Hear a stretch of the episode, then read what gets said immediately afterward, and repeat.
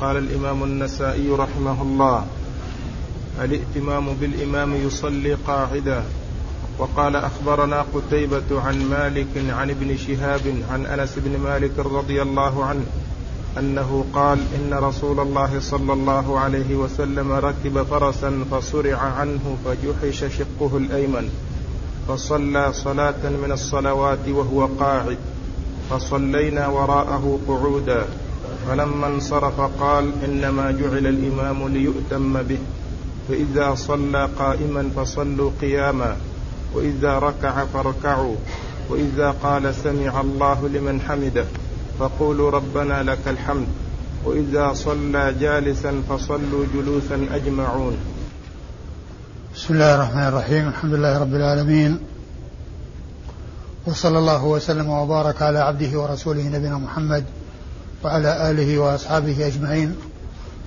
أما بعد يقول النسائي رحمه الله باب الائتمام الائتمام بالإمام يصلي قاعدة. هذه الترجمة آه المراد بها أن الإمام أن المأموم يوافق الإمام وأنه في حال كون الإمام يصلي قائما فهو مثله. وإذا صلى قاعدا أي الإمام فإن الإمام فإن المأموم يصلي قاعدا ولو كان قادرا على القيام للموافقة بين الإمام والمأموم. وقد أورد النسائي في هذا حديث أنس بن مالك رضي الله تعالى عنه أن النبي عليه الصلاة والسلام ركب فرسا فصرع يعني سقط منه وقع منه فجحش شقه الأيمن يعني آه تأثر شقه الأيمن بأن آه تأثر الجلد وخرجت آه القشرة من الجلد. فأصابه ألم من ذلك صلوات الله وسلامه وبركاته عليه فلم يستطع أن يقوم فصلى جالسا وصلى الحاضرون معه وراءه قياما فأشار إليهم أن يجلسوا فجلسوا وصلوا وراءه وصلوا وراءه جلوسا. ولما فرغ من الصلاة وانصرف إليهم قال عليه الصلاة والسلام إنما جعل الإمام ليؤتم به فإذا صلى قائما فصلوا قياما. ثم آه ذكر بعد ذلك الأحوال التي يتابع فيها المأموم الإمام ثم قال في آخره وإذا صلى جالسا فصلوا جلوسا أجمعون. والمقصود من ذلك أن أن الإمام إذا أتم إذا صلى قاعدا فإن المأموم يصلي وراءه قاعدا.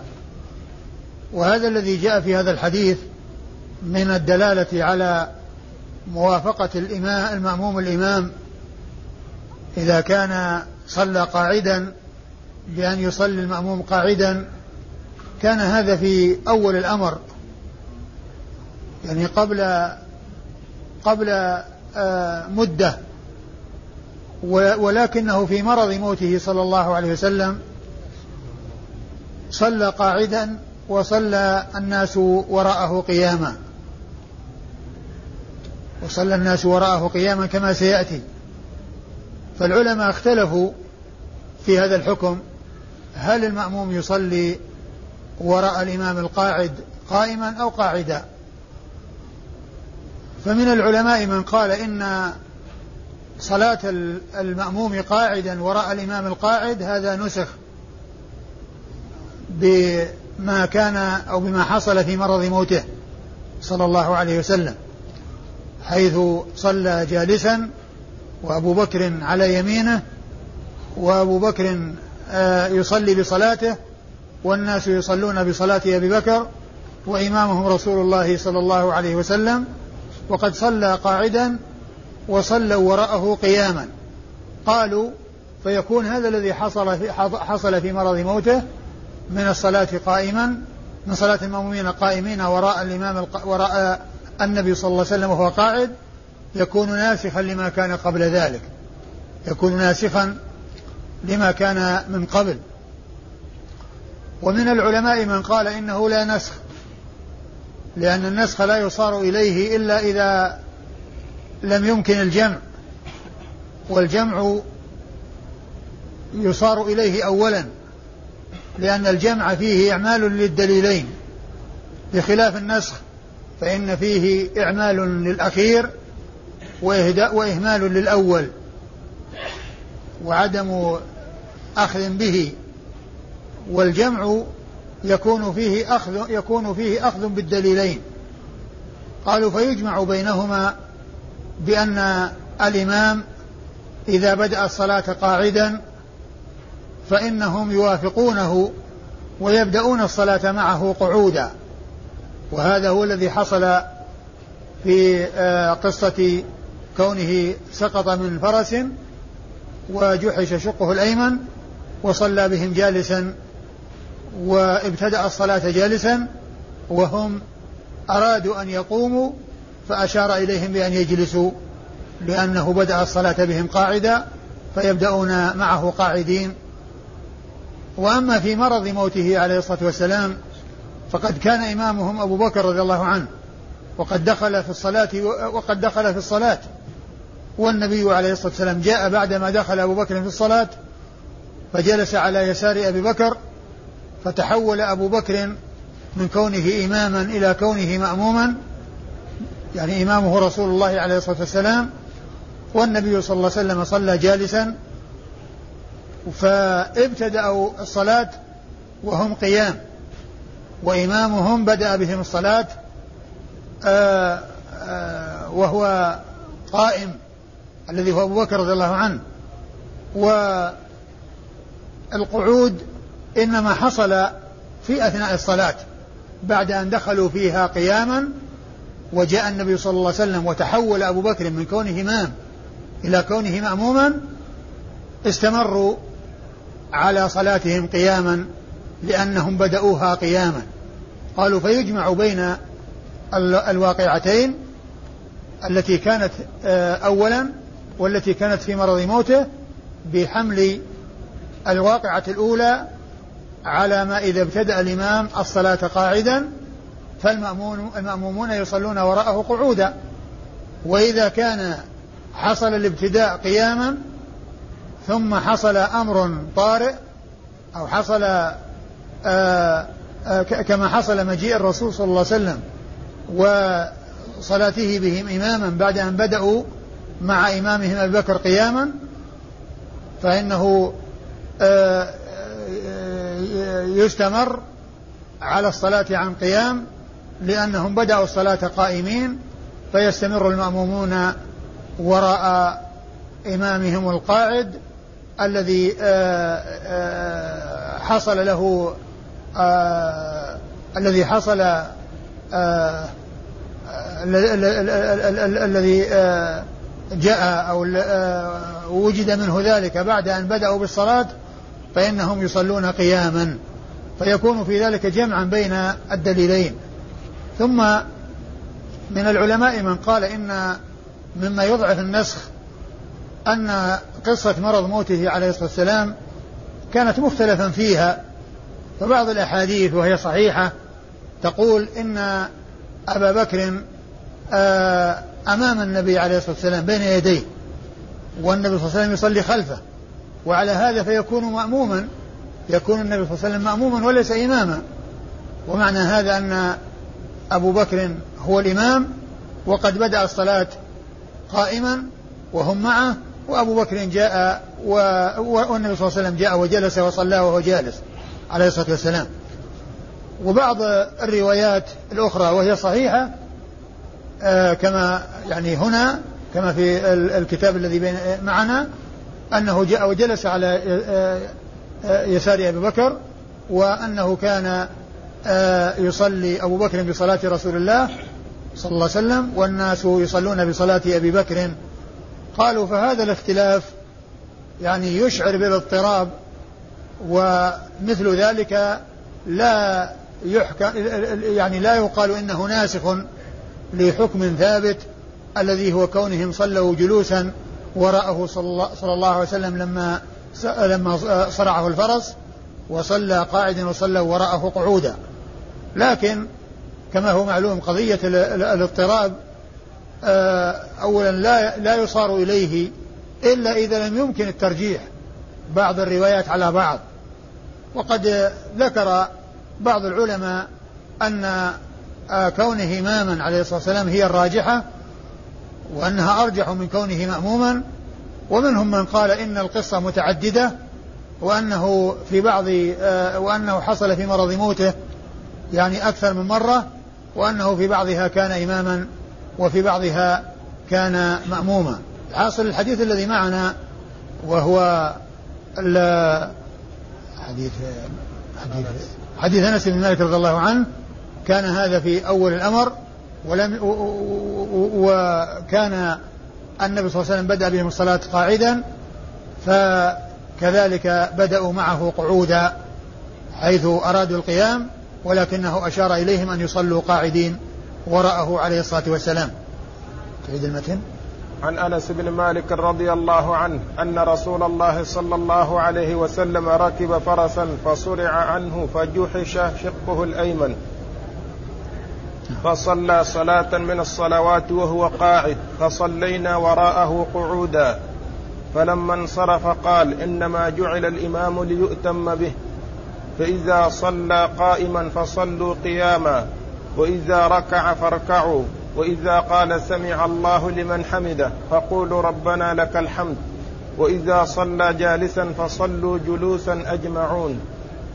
فالحديث فيه أنهم صلوا وراءه قعودا وأنه عليه الصلاة والسلام قال لهم وإذا صلى إنما جعل من يؤتم به فإذا صلى قائما فصلوا قياما ثم في آخره قال وإذا صلى قاعدا فصلوا وراءه قعودا. فهذا يدل على أن المأموم يأتم بالإمام آه، إن كان قائما يصلي قائما وإن كان قاعدا يصلي قاعدا. وعرفنا الحديث الذي آه، قصة القصة التي حصلت في مرض موته وعرفنا آه، أن من العلماء من قال بالنسخ وأن منهم من قال بالجمع وعدم النسخ. نعم. الإسناد؟ أخبرنا قتيبة. أخبرنا قتيبة هو قتيبة بن سعيد بن جميل بن طريف البغلاني ثقة خرج حديثه وأصحاب الكتب الستة عن عن مالك. عن مالك ابن أنس عن مالك بن عن مالك بن أنس إمام دار الهجرة المحدث الفقيه المشهور صاحب المذهب المعروف وهو آه وحديثه عند أصحاب الكتب الستة. عن ابن شهاب. عن ابن شهاب وهو محمد بن مسلم بن عبيد الله بن عبد الله ابن آه ابن آه ابن عبيد الله ابن شهاب آه ابن ابن عبد الله بن الحارث بن زهرة بن كلاب. يلتقي مع الرسول صلى الله عليه وسلم بجده كلاب. وزهرة أخو قصي بن كلاب. ينسب إلى جده زهرة فيقال الزهري وينسب إلى جده شهاب فيقال ابن شهاب. وجده شهاب هو جد آه، آه، جد جده جد جده الأدنى. وهو إمام فقيه ومحدث جليل. وحديثه أخرجه أصحاب الكتب الستة وهو من صغار التابعين. هو من صغار التابعين الذين أدركوا صغار الصحابة. عن أنس بن مالك رضي الله عنه صاحب رسول الله صلى الله عليه وسلم وخادمه وأحد السبعة المكثرين من رواية حديث رسول الله صلى الله عليه وسلم وحديثه عند أصحاب الكتب الستة. وهذا الإسناد إسناد الرباعي وهو من أعلى الأسانيد عند النسائي لأن أعلى ما عنده الرباعيات وليس عنده شيء من الثلاثيات. قال أخبرنا محمد بن العلاء قال حدثنا أبو معاوية عن الأعمش عن إبراهيم عن الأسود عن عائشة رضي الله عنها أنها قالت لما ثقل رسول الله صلى الله عليه وسلم جاءه بلال يؤذنه بالصلاة فقال مروا أبا بكر فليصلي بالناس. قالت قلت يا رسول الله إن أبا بكر رجل أسيف وإنه متى يقوم في مقامك لا يسمع الناس فلو أمرت عمر. فقال مروا أبا بكر فليصلي بالناس. فقلت لحفصة قولي له. فقالت له فقال إن كن لأنتن صواحبات يوسف مروا أبا بكر فليصلي بالناس. قالت فأب فأمروا أبا بكر فلما دخل في الصلاة وجد رسول الله صلى الله عليه وسلم من نفسه خفة. قالت فقام يهادى بين رجلين ورجلاه تخطان في الأرض. فلما دخل المسجد سمع أبو بكر حسه حسه فذهب ليتأخر. فأومأ إليه رسول الله صلى الله عليه وسلم أن قم كما أنت. قالت فجاء رسول الله صلى الله عليه وسلم حتى قام عن يسار أبي بكر جالسا. فكان رسول الله صلى الله عليه وسلم يصلي بالناس جالسا. وأبو بكر قائما يقتدي أبو بكر برسول الله صلى الله عليه وسلم. والناس يقتدون بصلاة أبي بكر رضي الله عنه. ثم ورد النسائي حديث عائشة رضي الله عنها في قصة صلاته في مرض موته صلى الله عليه وسلم وأنه صلى جالسا وأن الناس بقوا قياما كما كانوا آه، قبل أن يأتي إليهم رسول الله صلى الله عليه وسلم. وقد عرفنا آه، ما قيل في التوفيق أو في فيما يتعلق بهذا الحديث والحديث الذي آه، قبله. وأن من العلماء من قال إن ما في مرض موته ناسخ لما كان في أول الأمر ومنهم من قال إنه لا نسخ وإنما يوفق بينهما بحمل هذا على حاله وهذا على حاله كما ذكرت ذلك آنفا. وعائشة رضي الله عنها تبين أن الرسول صلى الله عليه وسلم لما آه، ثقل وجاءه بلال يؤذنه بالصلاة قال مروا أبا بكر فليصلي بالناس. فقالت عائشة إن أبا بكر رجل آه، آه، أسيف يعني أنه آه، يعني عندما يقرأ يكون عنده رقة ويعني يبكي فلا يكاد يسمع الناس. وكان وكان قصد عائشة رضي الله تعالى عنها من وراء ذلك غير هذا الذي أبدته. يعني أمر آخر وهو أن من يقي أن من يقوم مقام رسول الله صلى الله عليه وسلم لا يجد الناس ارتياحا لأن يقوم مقامه أحد لحزنهم على تخلفه عنهم وفقده وفقدهم وقوفه أمامهم صلى الله عليه وسلم. فكانت أرادت أن لا يكون أن يكون أبوها هو الذي يقوم هذا المقام فأتت بعذر غير هذا الذي أرادته و وهو أيضا موجود فيه وهو كونه يعني آه، كثير البكاء وأنه لا يكاد يسمع الناس من البكاء. والنبي عليه الصلاة والسلام آه، أكد بأن يصلي بالناس وقال إن كنا صواحب يوسف. والمقصود من ذلك أي مثل صواحب يوسف اللاتي يظهرن شيء وهن يبطن شيء آخر. ف يعني عائشة رضي الله عنها وأرضاها أظهرت يعني شيء وهو واقع وحاصل لكن آآ آآ غيره آآ هو الذي يدفعها أكثر وهو أن من يقوم مقام الرسول عليه الصلاة والسلام لا يرتاح لا يرتاح الناس إلى أن يقوم مقامه أحد. لحزنهم على فقده وعدم وقوفه أمامهم صلوات الله وسلامه وبركاته عليه. فصلى أبو بكر بالناس ولما دخل في الصلاة وجد رسول الله صلى الله عليه وسلم خفة يعني وجد يعني شيء من النشاط فأراد أن يذهب. فأتي به يهادى بين رجلين حتى أجلس على يسار أبي بكر. ولما سمع أبو بكر حسه يعني آه، آه، سمع صوت نفسه يعني من شدة من شدة المرض فأراد أن يتأخر فأشار إليه الرسول صلى الله عليه وسلم يبقى مكانه وأمر الذين أتوا به آه، يعني يهادى بينهم أن يجلسوه على يسار أبي بكر فجلس على يساره وصلى بهم يصلوا وصلى وصلى بالناس وأبو بكر آه، يبلغهم آه، يبلغهم وهم يصلي يصلون بصلاة أبي بكر وأبو بكر يصلي بصلاة الرسول عليه الصلاة والسلام بمعنى أنه يبلغهم وهم وإمامهم جميعا رسول الله صلى الله عليه وسلم. إمامهم هو رسول الله صلى الله عليه وسلم. وهذه الرواية واضحة بأن النبي عليه الصلاة والسلام هو الإمام وليس المأموم. وقد سبق أن مر بعض الروايات التي فيها أنه ما يشعر بأنه مأموم. وهو بعض الروايات التي فيها أن أبا بكر بين يدي رسول الله صلى الله عليه وسلم وفي بعضها أن الرسول صلى الله عليه وسلم صلى خلف أبي بكر وذلك في مرض موته.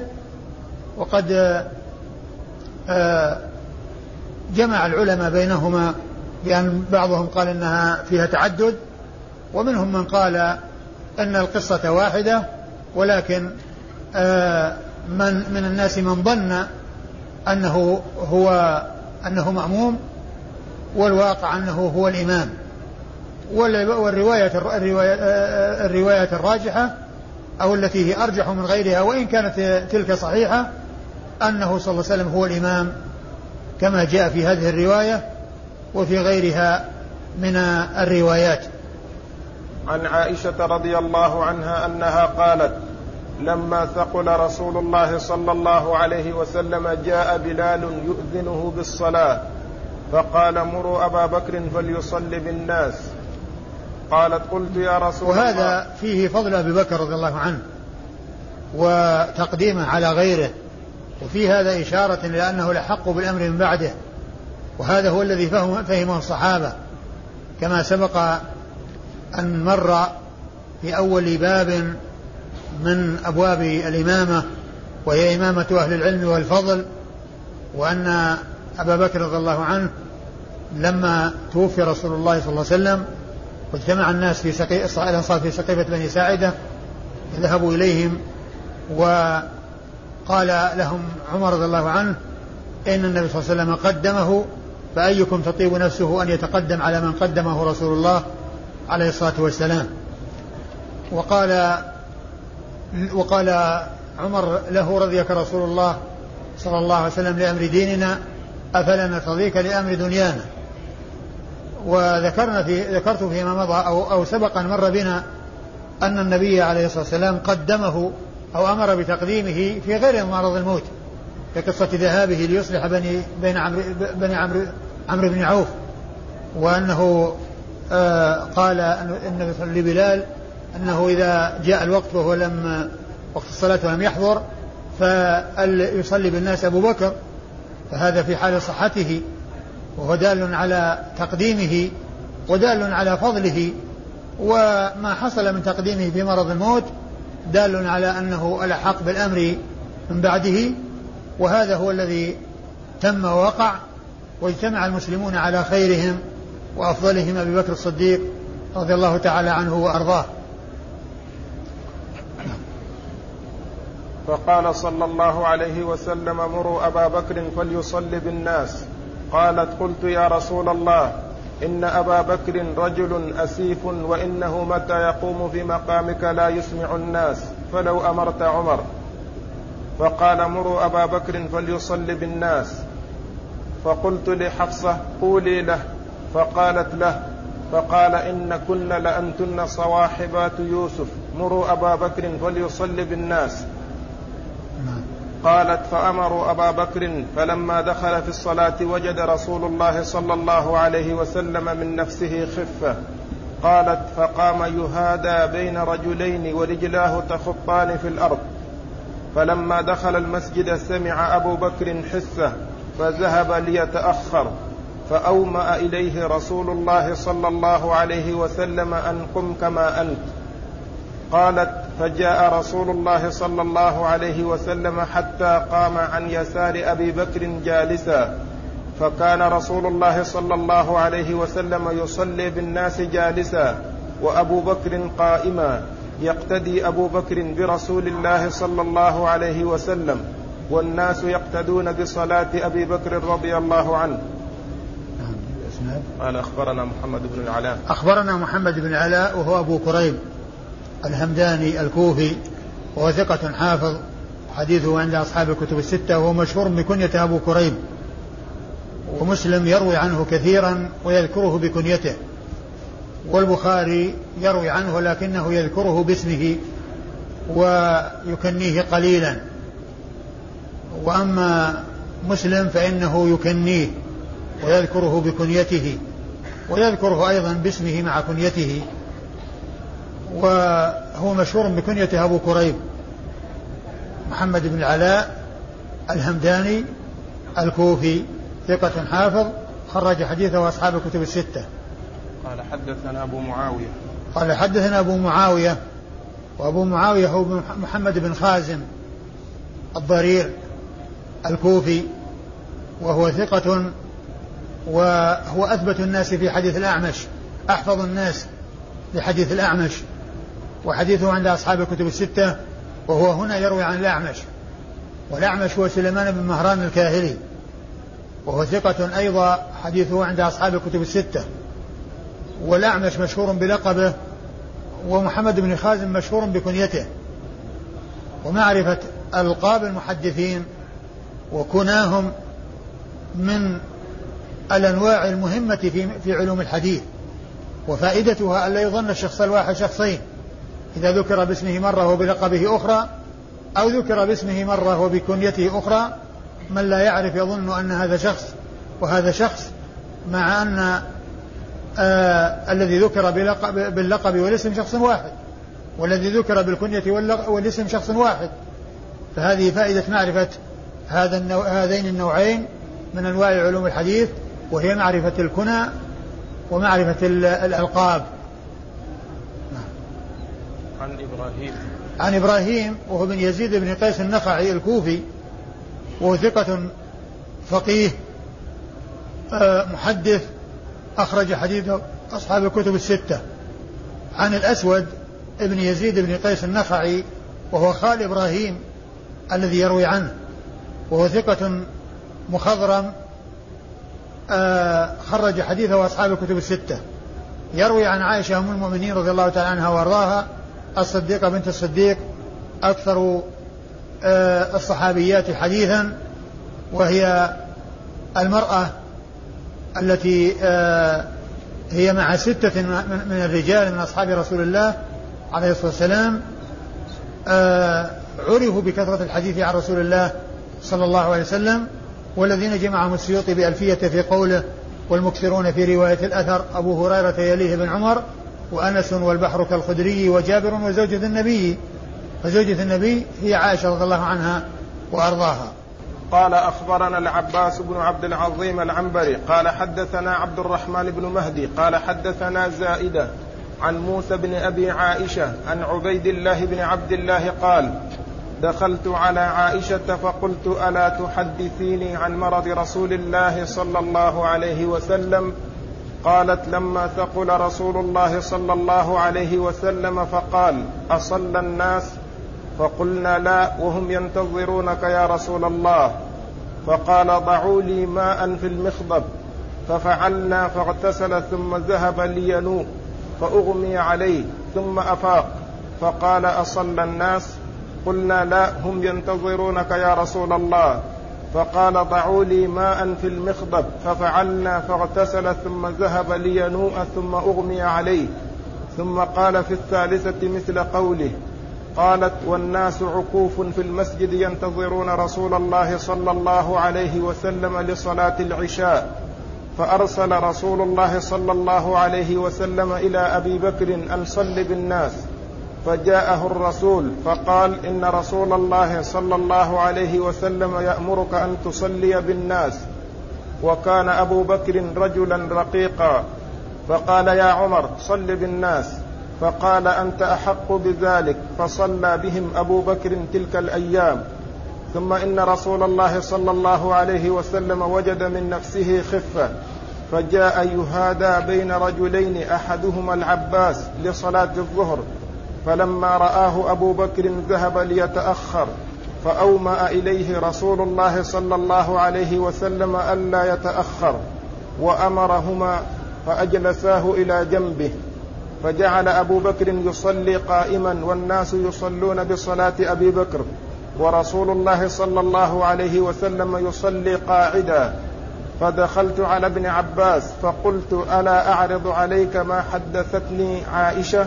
عن عائشة عن مرض رسول الله صلى الله عليه وسلم قال نعم فحدثته فما أنكر منه شيئا غير أنه قال أسمت لك الرجل الذي كان مع العباس؟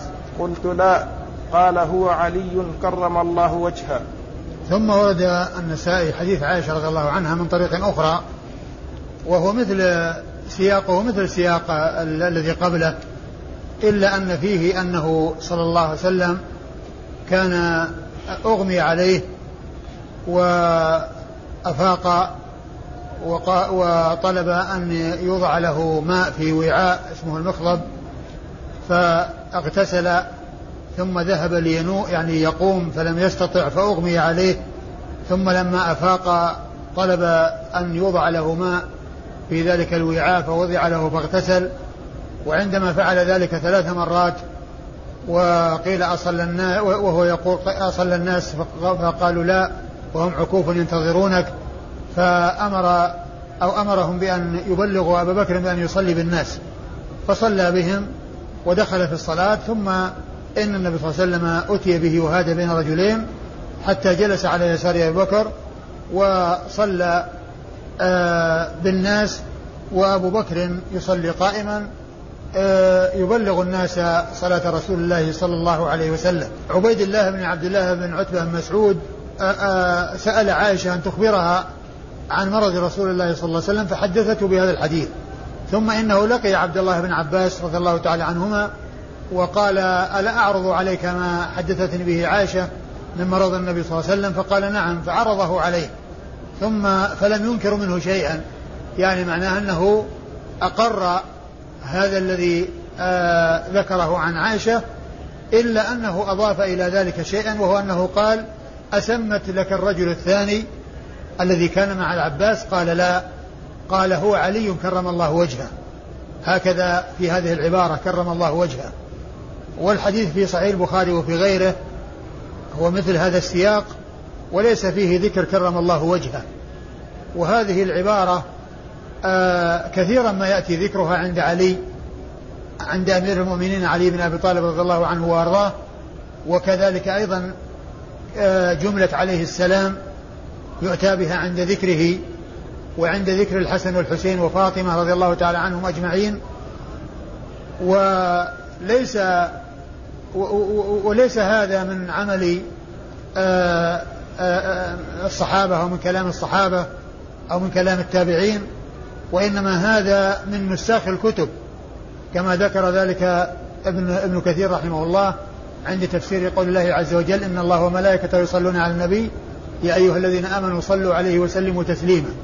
فإنه قال إن أنه يأتي عند ذكر علي رضي الله عنه عليه السلام وأحيانا يأتي كرم الله وجهه.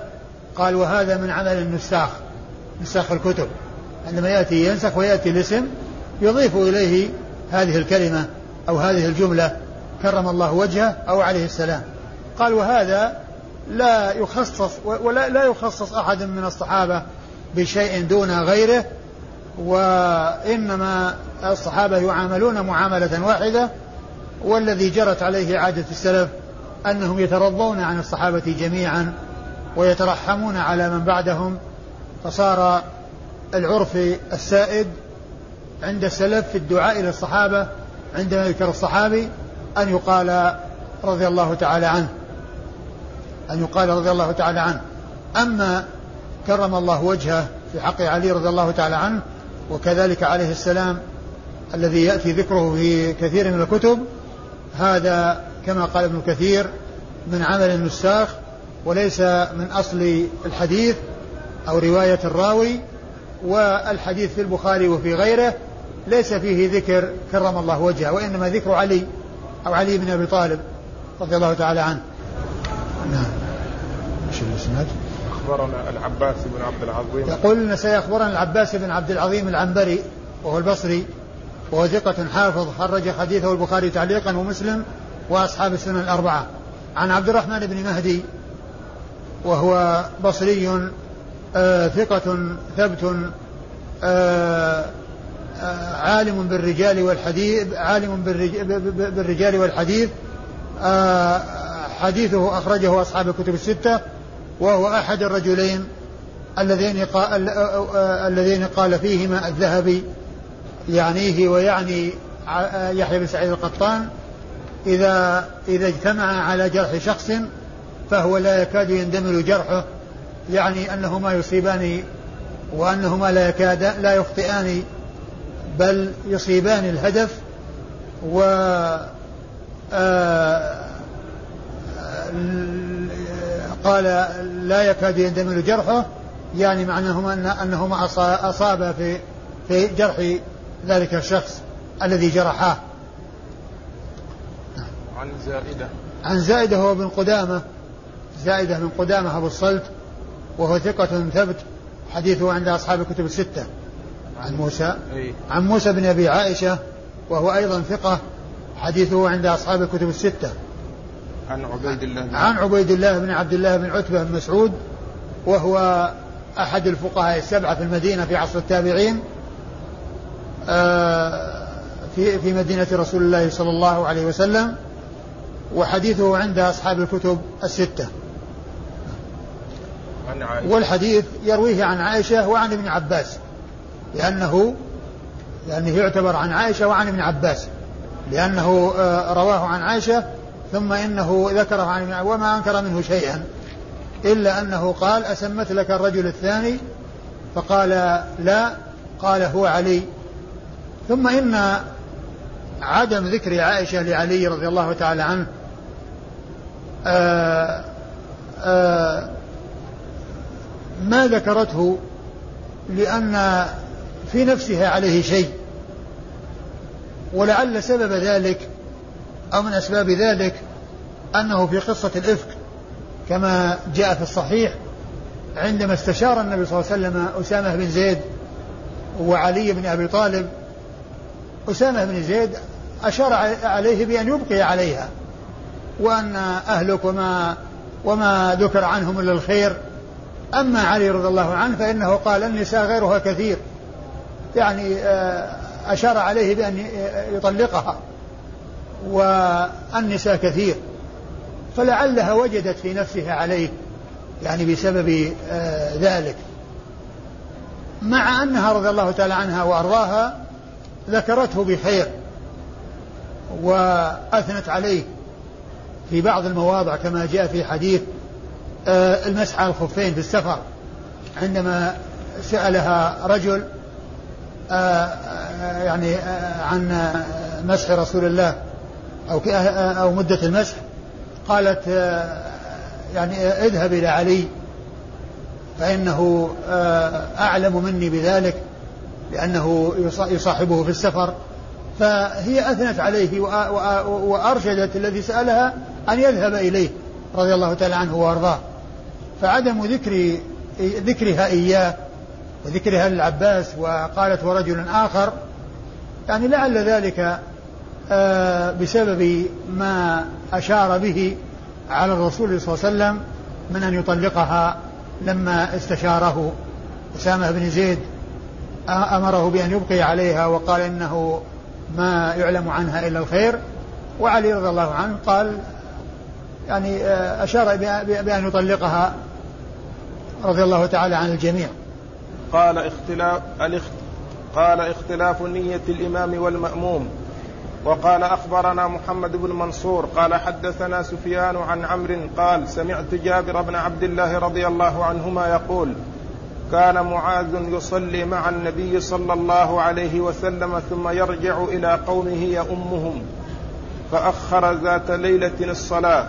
وصلى مع النبي صلى الله عليه وسلم ثم رجع إلى قومه يؤمهم فقرأ سورة البقرة فلما سمع رجل من القوم تأخر فصلى ثم خرج فقالوا نافق نافقت يا فلان فقال والله ما نافقت ولآتين النبي صلى الله عليه وسلم فأخبره فأتى النبي صلى الله عليه وسلم فقال يا رسول الله إن معاذا يصلي معك ثم يأتينا فيؤمنا وإنك أخرت الصلاة البارحة فصلى معك ثم رجع فأمنا فاستفتح بسورة البقرة. فلما سمعت ذلك تأخرت فصليت. وإنما نحن أصحاب واضح نعمل بأيدينا. فقال له النبي صلى الله عليه وسلم يا معاذ أفتان أنت؟ اقرأ بسورة كذا وسورة كذا. ثم ورد النسائي هذه الترجمة وهي اختلاف نية الإمام والمأموم.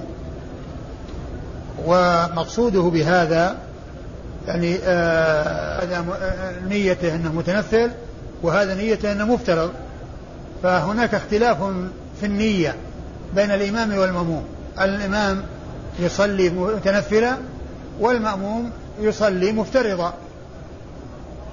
و وهو أطلق النية أطلق الترجمة وهي تحتمل العكس وهي المفترض المتنفل بالمفترض لكنه ما أورد تحت هذه الترجمة إلا آه، حديثين إلا حديثين آه، هما في صلاة المفترض خلف المتنفل. المفترض خلف المتنفل.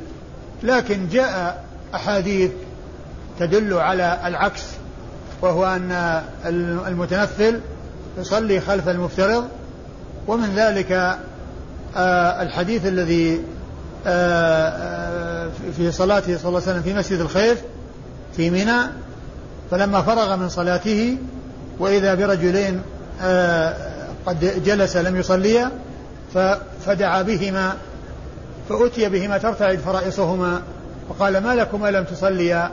قال إنا صلينا في رحالنا. قال إذا صليتما وأتيتما والإمام لم يصلي فصلي معه تكن لكما نافلة فأرشد عليه الصلاة والسلام إلى أن المتنفل يصلي وراء المفترض. المتنفل يصلي وراء المفترض بل وفي وقت النهي لأن هذه صلاة الفجر وأمرهم بأن يصلوا نافلة يعيدوا الصلاة يعني جماعة نافلة وكان ذلك يعني يعتبر وقت نهي. بالنسبة لهما لأنهما صليا الفجر. لكن هذا يدل على أن ذلك سائر. ومن ذلك أيضا قصة الأحاديث التي مرت. يعني في الصلاة يعني خلف الأمراء الذين يؤخرون الصلاة وقال أنها صلوا صلوها في وقتها ثم يعني صلوها معهم صل ثم صلوا معهم تكون لكم نافلة. ف يعني هذه متنفل خلف مفترض. يعني صلاة هؤلاء الذين يصلون معهم يعني متنفلون خلف آه، مفترضين. متنفلون خلف مفترضين. فاختلاف نية الإمام والمأموم آه، بأن يصلي المفترض خلف المتنفل جاءت به السنة كما ذكره المصنف وعكس ذلك أيضا جاءت به السنة كما ذكرت في هذه الأحاديث. وقد أورد النسائي حديث جابر. جابر بن عبد الله الأنصاري رضي الله عنه في قصة آه، صلاة معاذ مع رسول الله صلى الله عليه وسلم ثم رجوعه إلى قومه وصلاته بهم وأنه طول بهم يوما وقرأ سورة البقرة فجاء رجل وصلى وراءه ثم إنه لما طول آه، تأخر وصلى وقيل له إنك نافقت فقال إنه سيغفر الرسول صلى الله عليه وسلم ولما أخبره بذلك آه، قال لبلال أفتان؟ يا قال لمعاذ أفتان أنت؟ آه، اقرأ بسورة كذا وبسورة كذا. أشار أرشده إلى سور يقرأ بها. يعني جاء في بعض الروايات أنها سبح اسم ربك الأعلى و آه، والليل إذا يغشى. وسور من آه، يعني من المفصل. والحديث واضح الدلالة على ما ترجم له المصنف من صحة من صلاة المفترض خلف المتنفل. لأن هؤلاء الذين يصلي بهم معاذ هم متنفلون وهم مفترضون وهو متنفل. هو متنفل وهم مفترضون. والنية مختلفة بين الإمام والمأموم. الإسناد قال أخبرنا محمد بن منصور. أخبرنا محمد بن منصور وهو الجواز المكي ثقة خرج حديثه النسائي. عن سفيان عن سفيان؟ نعم. عن سفيان هو بن عيينة وهو ثقة ثبت حجة حديثه عند أصحاب الكتب الستة. عن عن عمرو. عن عمرو بن عن عمرو هو بن دينار المكي وهو ثقة آه، خرج حديثه أصحاب الكتب الستة. عن جابر؟ نعم. عن جابر بن عبد الله الأنصاري صاحب رسول الله صلى الله عليه وسلم وأحد السبعة المعروفين بكثرة الحديث عن رسول الله صلى الله عليه وسلم. وهذا الإسناد رباعي من الرباعيات عند النسائي التي هي أعلى سنيد عند النسائي. قال أخبرنا عمرو بن علي قال حدثنا يحيى عن أشعث عن الحسن عن أبي بكرة رضي الله عنه عن النبي صلى الله عليه وسلم أنه صلى صلاة الخوف. فصلى بالذين خلفه ركعتين وبالذين جاءوا ركعتين فكانت للنبي صلى الله عليه وسلم أربعا ولهؤلاء ركعتين ركعتين. ثم أورد النسائي حديث أبي بكرة رضي الله عنه أن النبي عليه الصلاة والسلام صلى بهم صلاة الخوف وصلى بجماعة ركعتين ثم صلى بجماعة آخرين ركعتين فكانت للنبي صلى الله عليه وسلم أربع ركعات ولكل طائفة ركعتين. وقد جاء هذا الحديث في موضع آخر عند النسائي آه، بين فيه أن أنه صلى بالطائفة الأولى ركعتين ثم سلم. ثم صلى بالطائفة الثانية ركعتين ثم سلم. ومحل الشاهد من إراده هنا باختلاف نية الإمام والمأموم بالنسبة لصلاته بالطائفة الثانية لأن صلاته الأولى هي الفرض له عليه الصلاة والسلام. وأما صلاته بالطائفة الثانية فهو متنفل. لأنه صلى بالطائفة الأولى ركعتين ثم سلم وهذا فرضه عليه الصلاة والسلام. ثم صلى بالطائفة الثانية ركعتين فهو متنفل وهم مفترضون. فإيراد الحديث هنا يعني آه، مبني على أساس أن أن آه، هذه الأربع الركعات يعني آه، صلى بكل طائفة ركعتين وسلم. ومعنى ذلك أن الطائفة, أن الطائفة الثانية صلاته فيها هو متنفل وهم مفترضون وهذا هو محل الشاهد من إيراد الحديث. محل الشاهد من إيراد الحديث أن المفترض يصلي خلف المتنفل والنبي صلى صلى الله, صلى الله عليه وسلم في الطائفة الثانية في صلاته في الطائفة الثانية كان متنفلا والطائفة الثانية مفترضة. فصلى مفترض خلف متنفل. والحديث أورده النسائي وفيه التفصيل آه يعني في آه أبواب قادمة.